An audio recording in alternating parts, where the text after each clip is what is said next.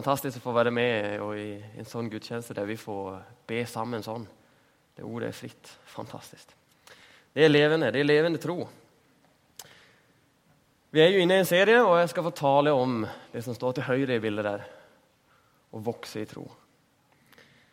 Og Teksten jeg kommer bruke i dag, den kommer fra Nefesene 4, 15-16. Og så står det sånn. Men vi skal være tro mot sannheten, i kjærlighet og i, alt, og i ett og alt vokser opp til ham som er hodet, Kristus. Ut fra ham blir hele kroppen sammenfjørt og holdt sammen av hvert bånd og ledd, alt etter den oppgave hver enkelt har fått tilmalt. Så kroppen vokser og bygges opp i kjærlighet. I denne teksten så, får vi det ordet to ganger. Vokser. Men om ni ser mellom de to gangene som jeg har stryket under, så står det noe om det. At vi skal liksom komme sammen, hele kroppen. Alt etter den oppgave som den enkelte har tilmalt. Og Det fins veldig mange ulike dimensjoner av å vokse i tro. Det skal sies. Og jeg kommer å avgrense meg fra en hel del ting. Bare det den personlige andakten. Hvor viktig er den? Eller hvor viktig det er å ha et eget bønn. Eller lese Bibelen daglig, osv., osv. Og min twittermelding da, eller man skal si, over denne talen, det er sånn Å vokse i tro, det gjør vi ikke alene.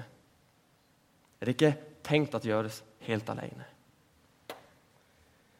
Og å vokse i tro, da Hva kan man si mer om det?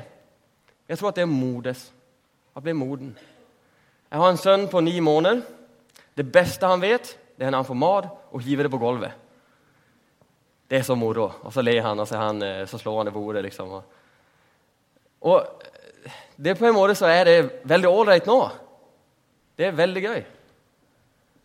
Men eh, hvis han gjør sånn når han er 18 år, så kommer jeg å være veldig, veldig urolig for min sønn. Det er ok kanskje å gjøre det på, på spøk en gang, men hvis det blir liksom det daglige tinget som han gjør, hive maten på gulvet, så tror jeg at jeg skulle bli faktisk litt nervøs på hans framtid. Så det er noe med det.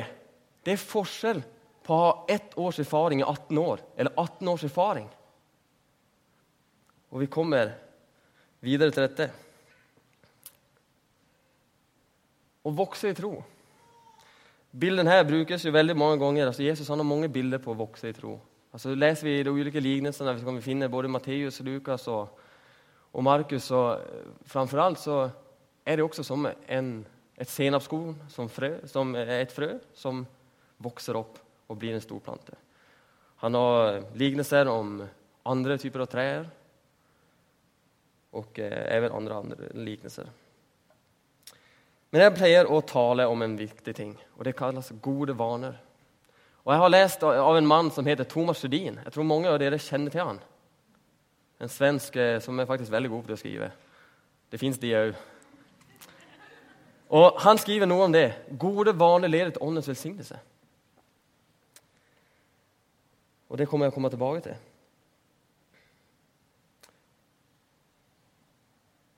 Altså, Det er noe med å skape rett prioriteringer i livet. Få Gud en plass som han skal ha i sitt liv. Men sånn er det også at hvis han får det, hvis han får en plass, så er sjansen betydelig større at man får være med om velsignelser i livet. At man får være med de gangene som Den hellige ånd faktisk rører ved oss. Vi kan få ta til, ta til oss både gaver, velsignelser og tiltale fra Den hellige ånd. Og Det er sånne ting som gjør at vår tro bibeholdes. tror jeg. Det er det som gjør at vi fortsetter å vokse. Og Da er det noen som stiller seg det spørsmålet her. Men hvordan kommer det seg da at gode vaner leder til åndens velsignelse? Ikke sant?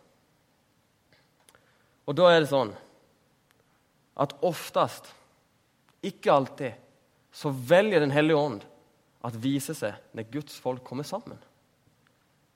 Der Guds folk er samla. Ser vi til både Bibelen og i kirkehistorien, så ser vi til dette.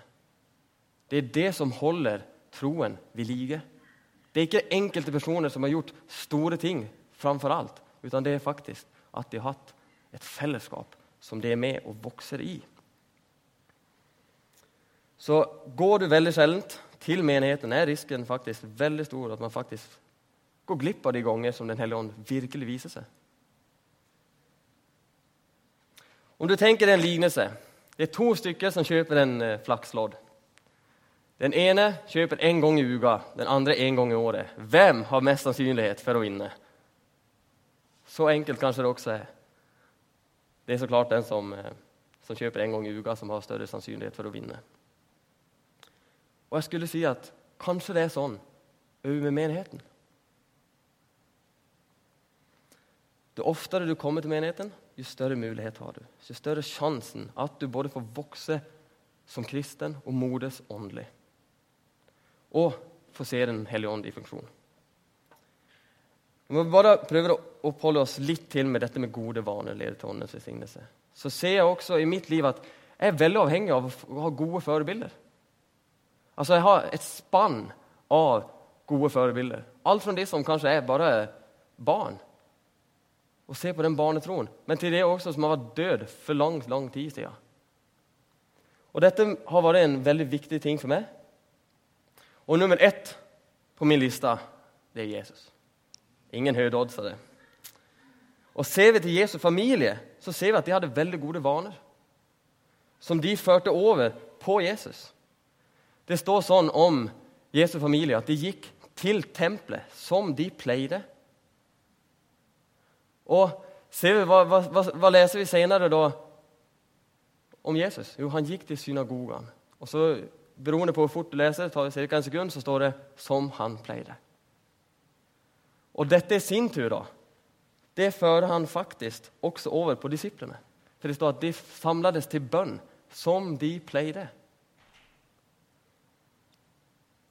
Det var ikke bare når de hadde lyst, det var ikke bare de gangene de følte for det, men de hadde fått inn en god vane i livet sitt at gå til et fellesskap og komme sammen. Og Da skal vi se på Jesus. Og Da står det sånn Når morgenen kom, dagen etter sabbaten, våknet Jesus. Han hørte åssen menneskene rørte seg utenfor stadsporten. Det var på vei til tempelet. Jesus så på skyggen på veggen og så at det var den sjette timen, dvs. Si klokka elleve. Disiplene kom inn i Herrens boning og utbrast. Herre, det er bare en tid, og åter en tid, til gudstjenesten begynner. Og her ligger du. Men ettersom Jesus hadde vært oppe seint, la han hodet på puten, kisa det på disiplene og sa det. 'Sanneligen sier dere, jeg gidder ikke å stå opp denne morgenen. Jeg føler ikke for det. Han snudde seg på andre sida, dro på seg mantelen og sovna om. Nei, sånn står det absolutt ikke. Er det noen som har funnet Lukas 29, 16? Nei, det fins bare 24 kapittel i Lukas. Jeg la det til. Man får egentlig ikke legge til ting i Bibelen. Jeg vet det, jeg har lest tre år teologi. Jesus han sovna han det om. Men det står om Jesus at han gikk til synagogen som han pleide. Og så førte han over det på disiplene. Så vil man vokse i tro, vil man fortsette å utvikle sin tro, så tror jeg at denne fellesskapstingen er viktig. Og Det er det jeg har lyst til å slå slag for denne talen. Fellesskapet. Det er en god hjelp til å vokse i tro. Men sen er selvfølgelig hver søndag er ikke et måste. Det er ålreit å ha en hytte på Hovden, men det får ikke ta førsteplassen. Vi skal ta denne bilden her. Dette er en bild på en skau. Ikke sant?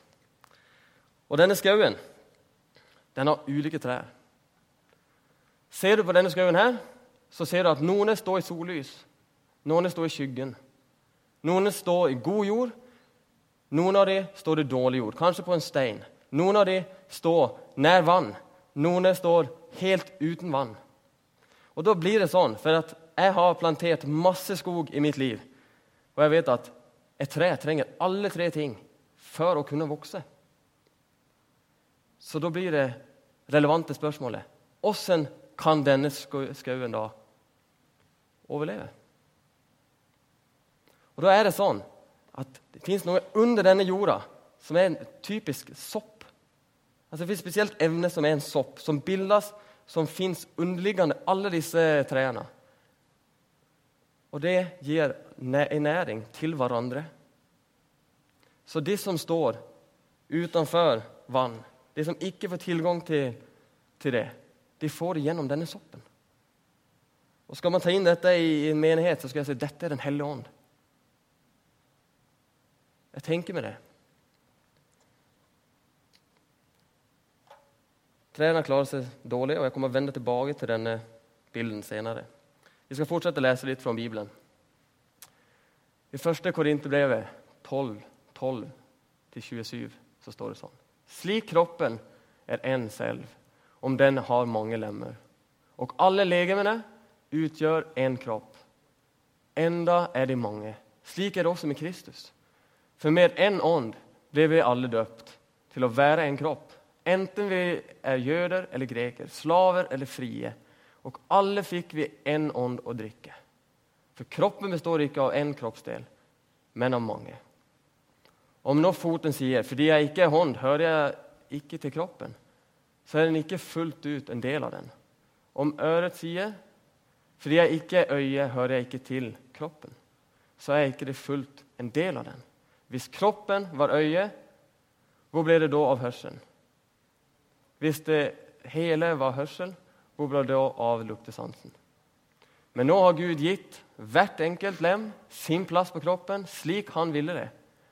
Hvis det hele var en kroppsdel, hvor ble da av kroppen? Men nå er det mange kroppsdeler men bare én kropp. Øyet kan ikke si til hånden 'jeg trenger det ikke', eller hodet til føttene 'jeg har ikke bruk for dere'. Tvert imot. Det er delene av kroppen som synes å være sterkest. Nei, svakest, nettopp fordi det er nødvendig. De kroppsdelene som vi syns er mindre verdt, ære verdt, dem gir vi desto større ære. Og de delene vi føler skam ved, kler vi desto mer sømmelig. Det andre trenger det ikke. Men nå har Gud satt sammen kroppen, slik at det som mangler ære, får mye ære. For de som ikke skal bli splittet seg i kroppen. Men alle lemene eh, har sammen omsorg for hverandre. For om ett lem lider, lider alle med dem. Og om ett lem blir hedret, hedret gleder alle de andre seg. Dere er Kristi kropp og hvert og hver av dere et lem av ham. Beklager at jeg leste litt feil. Jeg er jo svensk. Og da skal vi ta dette. Da må jeg bare bruke to ting her. Kroppen er slik at vi er beroende av hverandre. Og er vi beroende av hverandre, så får vi ikke heller stangere. Jeg tenker det, Hvorfor trenger han to vannglass? Jeg er veldig tørst. Men ikke det. Om du tenker at det ene er å gi, og det andre er å få, så er det sånn at du har to beger. Om dette er gi, og du gir og gir og gir og gir, og gir, så går du tom. Men har det stendig fløte mellom gi og få Oi, nå beklager jeg. Jeg må gjøre det under, under blomsten, kanskje. Så kommer det et fløte, og da blir det det levende vann som Jesus taler om. For et vann som slutter å å ha beveget på seg. Det vannet blir veldig soppete og veldig Det er ikke så gøy å bade i det. Så den bilden der er god å bruke for det. Vi tar den neste bildet.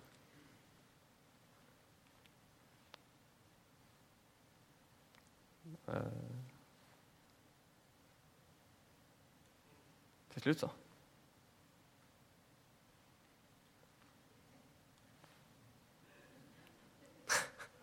Jeg har kunstpause nå. jeg vet det. Skal du trykke?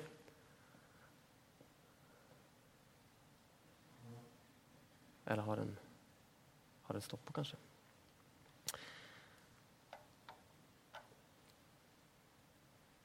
Han er det bra. Skal vi se om vi får opp powerpointen igjen.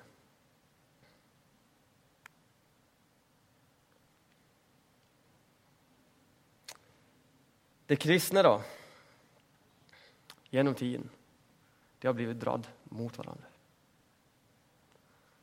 Det er noe som gjør at de, de kommer mer og mer sammen. Som en et magnet innom kristne. Jeg, jeg synes i hvert fall det er sånn. Når du har vært i en menighet som du, det er første gangen jeg er i menighet, og du ikke kjenner noen, så er det enda noe der som føler at du er hjemme. Har du kjent på det? Når du kommer til en menighet som du ikke har vært i noen gang, så helt plutselig. Jeg tror det er bilde åtte du skal komme på.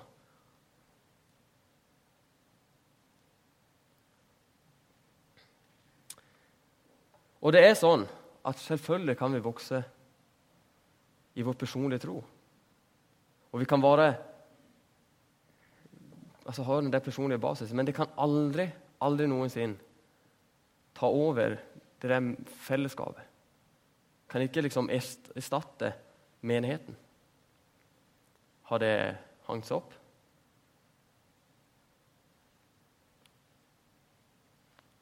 Nå? Må bare trykke litt.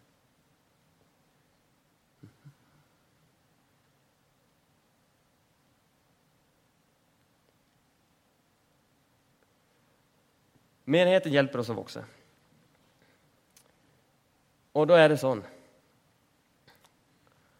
at menigheten tilhører det kristne liv.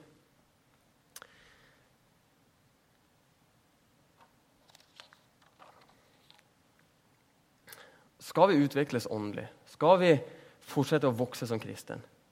Vil vi lære å kjenne Jesus enda mer? Har jeg lyst til å komme nær Den hellige ånd, så trenger vi dette fellesskapet. Den åndelige veksten er en utrolig viktig del i en kristent menneskeliv. At vi stendig tar nye steg, så at det ikke blir som eh, om Zakarias blir 18 år og, og, begynner å hive ting på gulvet. Så behøver vi dette.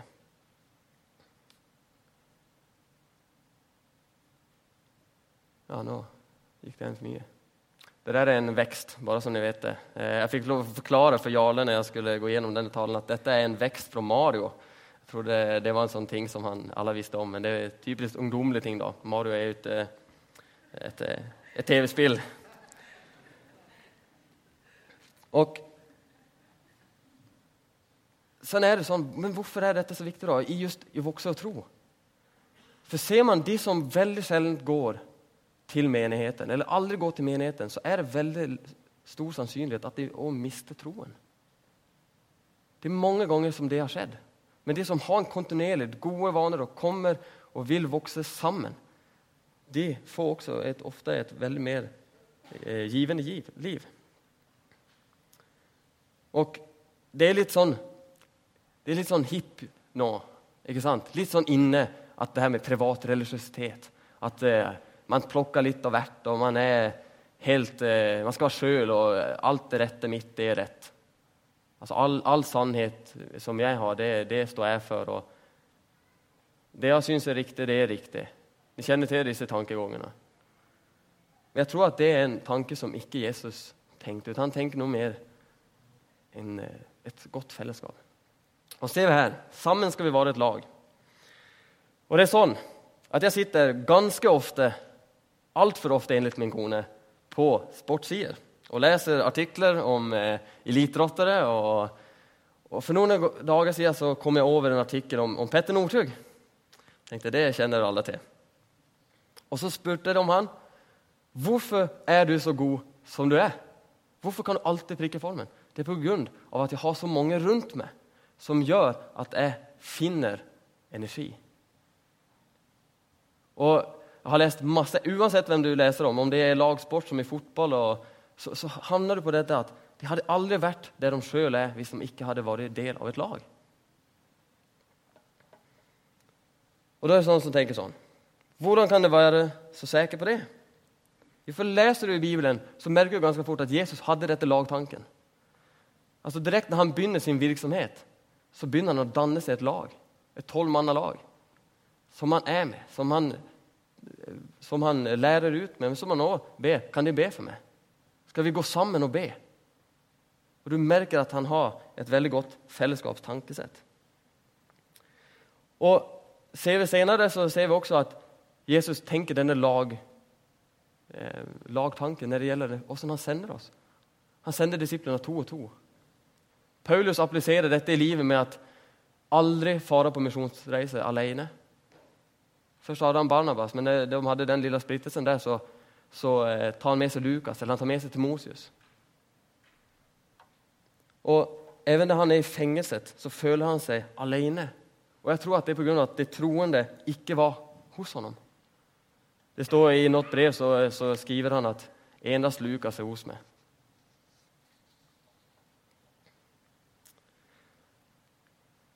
Go to Jesus. Fins det en perfekte menighet? Og når jeg var i Uppsala og studerte, så gikk jeg etter den ene etter den andre menigheten. Jeg dratt med liksom en sånn, Alle som vi som flytta ned og skulle begynne på teologi, vi, vi skulle liksom hitte menigheten. Der vi skulle legge ned vår tid og energi og vårt liv. Og jeg var med og testa meg fram. og Den ene menigheten hadde for lange taler, den andre hadde altfor korte. Og Den andre hadde for lite lovsang, den andre hadde bare salmer. Den ene hadde for dårlig kirkekaffe. Den andre hadde altfor mye god kirkekaffe. Den andre hadde for mye medlemmer. Den andre var bare tre stykker. Det var altfor mye liturgisk. Jeg var på sånn Ansgar menighet. Det var, nei, det klarte jeg ikke. Det, sikkert, altså, det var veldig bra for de som likte det. Det var for mange eldre på den ene, det var for få lokale på den andre. og du kan gjøre den listen uendelig lang. Det fantes alltid noe jeg kunne pirke på. Og så hender det med det at jeg slutta å tenke sånn, og så tenkte jeg bare jeg må bare gå med et sted. Jeg må bare være et sted. Og hva som skjedde med de andre, det vet jeg ikke. De kanskje tok pendelen, da, altså tok toget til Stockholm og forsøkte å lete der da, hvis de ikke fant det i Uppsala. Men hvorfor fant de ikke den perfekte menigheten? De som fortsatte å lede. Hvorfor? Og jeg har en god venn som heter Simon Jonsson. Han er pastor oppe i en, en, en eh, litt større menighet i, i, Sverige. Og Han sier det sånn at så lenge Simon Jonsson, eller i mitt fall Edvin Næslund, er med i menigheten, så kan den ikke bli perfekt. For vi er ikke perfekte. I Guds øyne er vi perfekte, men vi er ikke perfekte. Så du kan si det til naboen din. Du er ikke perfekt hvis du tror det. Jeg skjemte å si jo.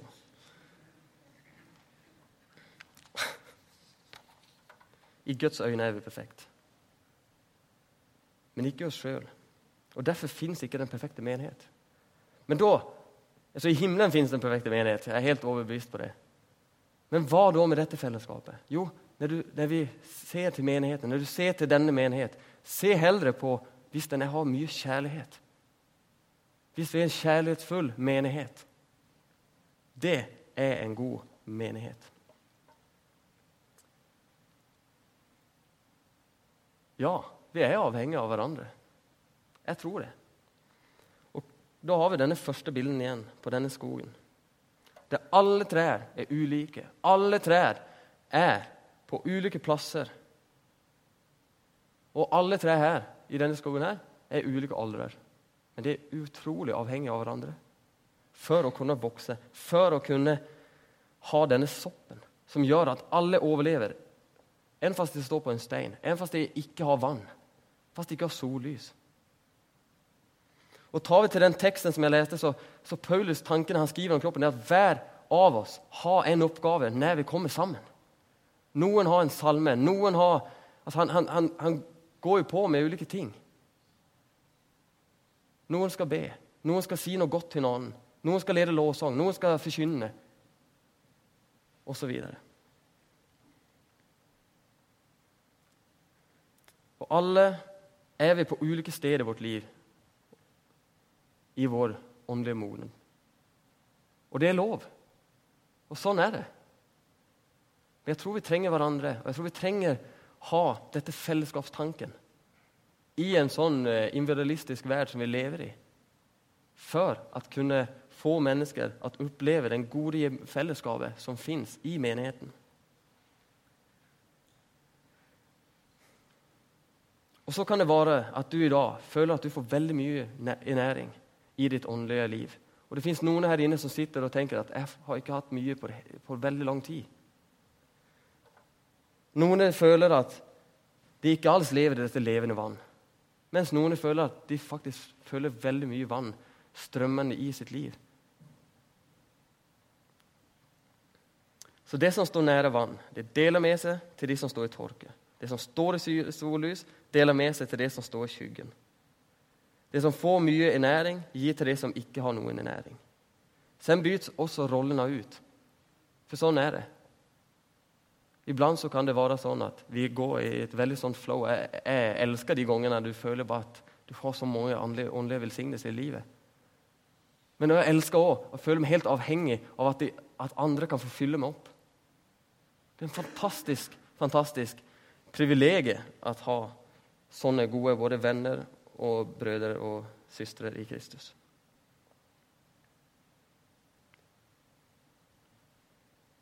Og jeg tenker egentlig slutte her. Og så bare spør jeg hvilken plass har vi i menigheten? Hva i ditt liv føler du mangel på? Kan du ta hjelp av noen? Kan vi faktisk være ærlige i menigheten med hverandre og si at Kan du be for meg? Har det tungt. Eller kan du, kan du være med og takke med meg, for jeg har det så utrolig bra nå? Og så kan vi få knagge disse tingene, disse gode vanene, i livet. Vi ber sammen. Takk, Herre Jesus Kristus, for denne flotte morgenen. Takk, kjære far, for denne menigheten. Bare velsign den. Velsign alle de som ikke hadde mulighet til å komme i dag. Takk for alle som prioriterte å komme denne dagen.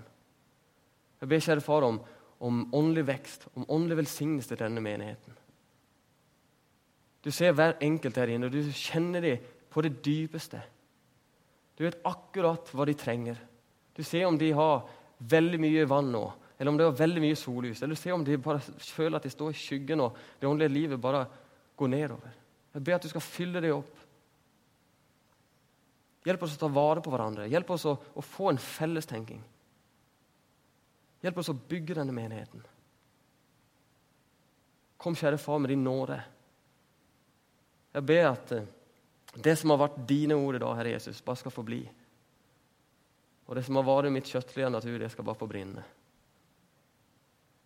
Ditt er riket og dine makten i all ære. I Jesu navn vi ber. Amen.